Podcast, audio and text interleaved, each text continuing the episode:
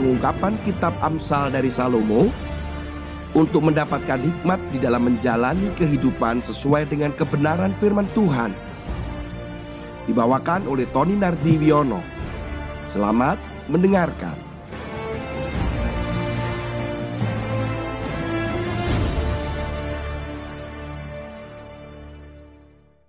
Shalom Bapak Ibu sekalian Kita saat ini masuk di dalam perenungan firman Tuhan di dalam Amsal pasal 11 ayat yang ke-8 Orang benar diselamatkan dari kesukaran Lalu orang fasik menggantikannya.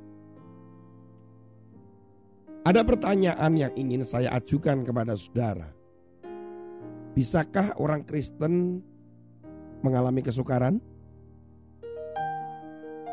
Apakah saudara pernah mengalami kesukaran? Atau mungkin hari ini saudara mengalami kesukaran? Saudara kekasih di dalam Tuhan, Bapak Ibu sekalian, orang Kristen bisa mengalami kesukaran. Tolong dicatat baik-baik.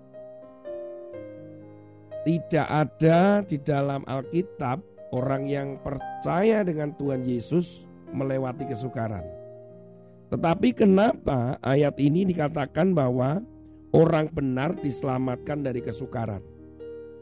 Diselamatkan dari kesukaran artinya sukar dulu. Diselamatkan dari kesukaran itu artinya sukar dulu. Setelah itu diselamatkan dari kesukaran. Kalau berpikir bahwa orang Kristen atau orang percaya kepada Yesus itu tidak ada kesukaran, saudara hari ini harus berubah dari cara berpikir itu. Kita akan mengalami kesukaran kok. Kita akan mengalami tantangan. Kita akan mengalami yang namanya kesulitan. Saya akan berikan sebuah ilustrasi begini. Bahwa kesulitan itu pada babnya, pada masanya, ketika kita sudah bisa melewati, maka bukan lagi menjadi kesulitan. Ilustrasinya begini, saudara, saya dulu waktu kecil itu kelas 1 mungkin ya, kelas 1 SD begitu. Itu oleh papi saya itu harus hafal perkalian. Saat itu benar-benar sangat sulit sekali. Sementara kelas 1 SD pada zaman saya itu baru membaca. Tetapi papi saya itu punya prinsip anak-anaknya itu harus selangkah lebih maju ke depan dibandingkan dengan siswa atau anak-anak yang lain. Itu adalah prinsipnya papi saya. Sehingga tidak heran juara kelas itu ketika saya kelas 1, kelas 2, kelas 3 itu adalah makanan sehari-hari. Artinya karena saya sudah selangkah lebih maju dibandingkan teman-teman saya. Ketika mereka belajar pelajaran 5, saya pelajaran 6 dan 7 sudah saya pelajarin. Kalau saya mengerjakan PR didampingi oleh papi saya, kemudian sudah selesai, maka papi saya akan mengajarkan pada bab berikutnya. Itu gayanya papi saya. Salah satunya adalah menghafalkan perkalian. Itu tidak wajar saudara. Waktu itu perkalian itu baru diajarkan kelas 2 atau kelas 3 SD.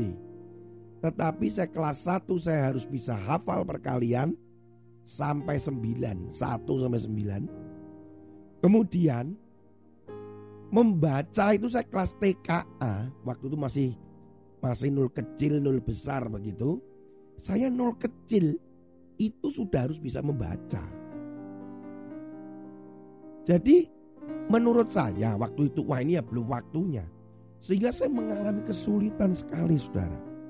Ketika saya harus menghafalkan satu paling mudah kan satu kali satu satu kali dua pokoknya satu mudah Tantangan saya adalah ketika itu perkalian 7, perkalian 6 dan 8 sudah itu. Termasuk 4 lah. Jadi saya harus menghafalkan ketika dipanggil oleh papi saya, Tony, ya sudah hafal, sudah. Saya masuk ke kamar, papi saya langsung tebain saya. Dua kali empat, tujuh kali delapan. Nah, kalau dua kali empat, delapan tahu. Tiga kali empat, dua belas tahu. Tetapi begitu tujuh kali enam, delapan kali tujuh. Nah, itu saya itu masih menghitung dengan tangan, saudara. Begitu papi saya melihat saya menggunakan tangan, saya langsung diusir keluar. Keluar, hafalkan lagi. Wah itu kesukaran menurut saya. Itu berhari-hari. Itu kalau sudah terlalu malam saya tidur besok begitu lagi. Terus begitu. Kakak sepupu saya itu sampai nangis saudara. Karena nggak hafal-hafal. Memang papi saya tidak menghajar, tidak memukul. Tapi marah papi saya. Saudara, tapi ketika saya sudah hafal. Pada hari-hari berikutnya kesukaran itu sudah saya lewati. Saya selamat dari kesukaran itu. Yang kemudian saya tuai ketika saya kelas 3. Saat diajarkan perkalian, wes itu seperti tutup mata saudara. Saya selalu angkat tangan ketika ditebain. Sampai guru saya berkata, Tony sudah kamu nggak boleh angkat tangan lagi. Sementara yang lain masih menghitung dengan tangan dan jarinya. Saya sudah nggak saya hafal kok. Saudara, kesukaran tetap saya hadapi. Tetapi ketika saya melewati kesukaran itu saya diselamatkan dari kesukaran itu artinya saya bisa melewati itu dan kemudian saya akan menuai hasil dari kesukaran yang saya lewati. Ada begitu banyak saudara dalam hidup ini ketika kita harus hadapi kita aduh nggak kuat Tuhan, aduh nggak bisa Tuhan, Aduh sulit Tuhan. Saudara kalau memang saudara dikehendaki untuk melewati itu. Jangan saudara lari dari kesukaran dan kesulitan itu. Saudara akan tetap diselamatkan. Karena dalam proses-proses saudara kesukar dan sulit, saya percaya bahwa itu membentuk kita. Saudara-saudara sekalian, kalau kesukaran itu memang yang Tuhan kehendaki, yang kita harus lalui. Pertanyaannya, kalau kesukaran itu kita buat sendiri, berapa banyak kita melakukan kesukaran itu karena ulah sendiri, salah mengambil keputusan tanpa berdoa, dengan pertimbangan dan saran yang bukan dari firman tetapi orang yang katanya punya pengalaman, mengikuti apa kata orang yang jelas orang itu melanggar firman. Kemudian kita melakukan sebuah pilihan itu kemudian kita alami kesukaran. Saudara, jangan kemudian kita teriak kepada Tuhan, kemudian Tuhan selamatkanlah aku dari kesukaran ini. Ya bisa saja teriak. Tetapi ingat bahwa tetap harus dilalui. Kita nggak bisa lari dari kesukaran itu. Ada seorang suami istri Si istri berkata, aku tidak ingin hidup susah. Aku ingin bahagia. Aku ingin bahagia karena waktu kecil aku hidupku menderita. Saudara, untuk bahagia, untuk senang itu perlu proses. Harus bekerja, harus banting tulang mungkin. Supaya dilihat kesetiaannya dan Tuhan berkati mengandalkan Tuhan. Tetapi kalau mau instan, kemudian tidak mau sukar, tidak mau sulit, tidak mau di dalam tantangan, ya jadinya kacau. Akhirnya lari meninggalkan suami. Kemudian apalagi yang dilakukan mungkin hutang sana hutang sini. Kemudian mencari kesenangan yang semu dengan orang lain bisa. Apa pun. Itu kesukaran akan berlanjut. Cepat atau lambat. Seringkali kesukaran itu muncul itu karena pilihan-pilihan kita yang salah. Saudara kasih dalam Tuhan, ingat kisahnya Yusuf. Saya akan baca ayat di mana Yusuf mengatakan begini. Ini indah sekali sebenarnya saudara. Dikatakan bahwa dalam kejadian pasal 41 ayat 51.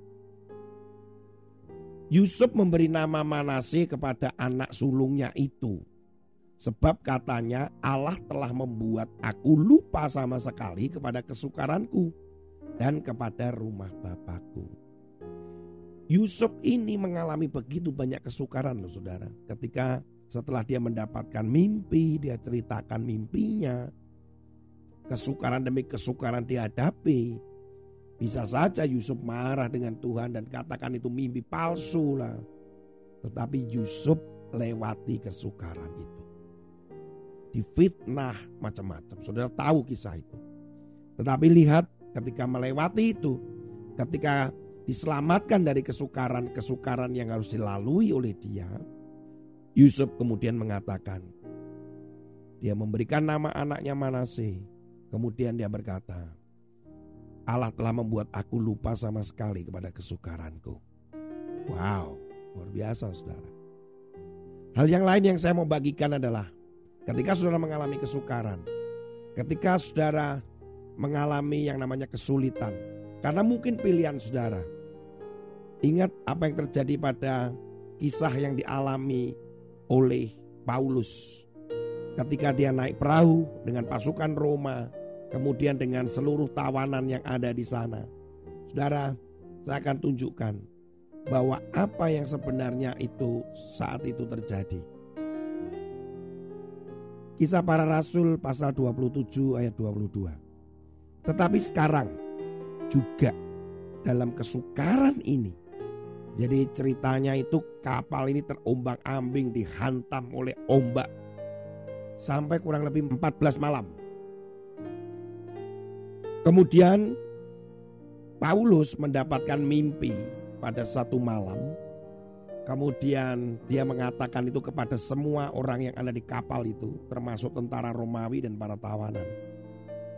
Tetapi sekarang juga dalam kesukaran ini aku menasihatkan kamu supaya kamu tetap bertabah hati. Sebab tidak seorang pun di antara kamu yang akan binasa kecuali kapal ini.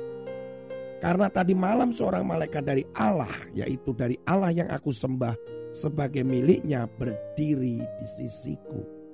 Dan berkata, "Jangan takut, Paulus, engkau harus menghadap kaisar, dan sesungguhnya oleh karunia Allah, maka semua orang yang ada bersama-sama dengan engkau di kapal ini akan selamat karena engkau." Kalau kita ada dalam kesulitan, saudara tahu kenapa mereka mengalami kesulitan? Karena ayat 21 dikatakan begini. Dan karena mereka beberapa lamanya tidak makan berdirilah Paulus di tengah-tengah mereka dan berkata saudara-saudara jika sekiranya nasihatku dituruti supaya kita jangan berlayar dari kereta kita pasti terpelihara dari kesukaran dan kerugian ini. Jadi ada salah pilihan karena mereka sendiri berangkat dari kereta akhirnya mengalami kesukaran. Bayangkan dalam kehidupan kita ketika salah pilih, salah melangkah dengan pertimbangan dan kita mengalami kesukaran. Bunga yang menumpuk, hutang yang terus ditagih, keluarga pilihan suami atau istri, anak, bisnis, pelayanan, macam-macam saudara.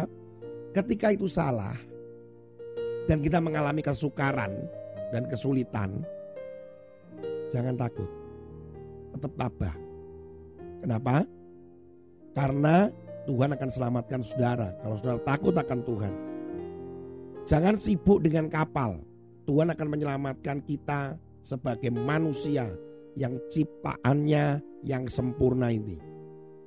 Jadi jangan sibuk dengan rumah, dengan mobil, dengan harta kekayaan. Kalau toh itu hancur tetapi nyawa saudara akan selamat. Kalau toh hilang nyawa saudara akan selamat. Karena jadi Tuhan saudara yang diselamatkan. Tuhan lebih mengasihi saudara daripada harta saudara. Gak usah dipertahanin.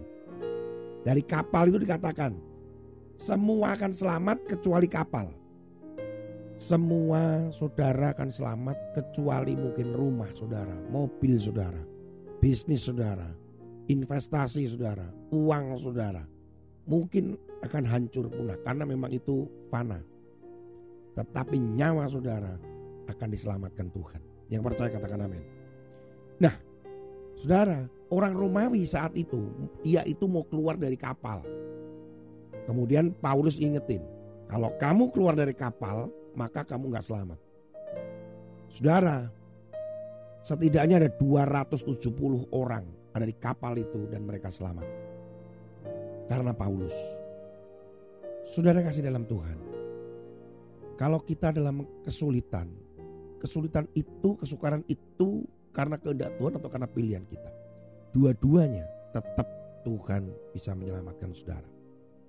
Tetapi yang diselamatkan adalah jiwamu, nyawamu, hidupmu.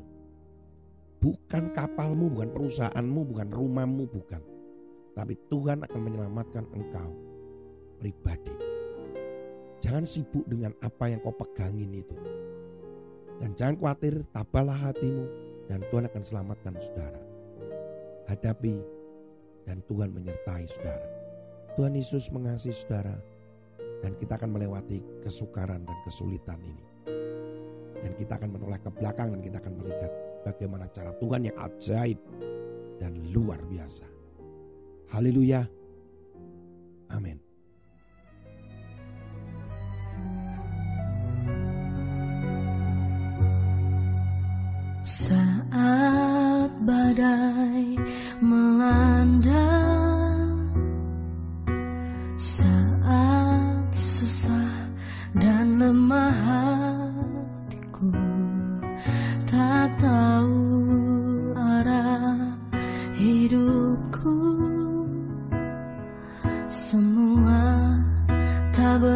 Berarti lagi bagiku.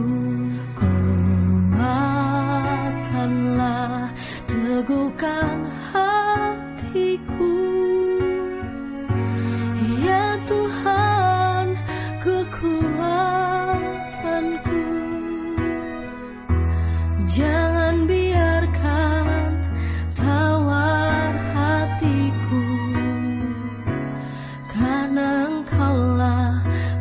pertolonganku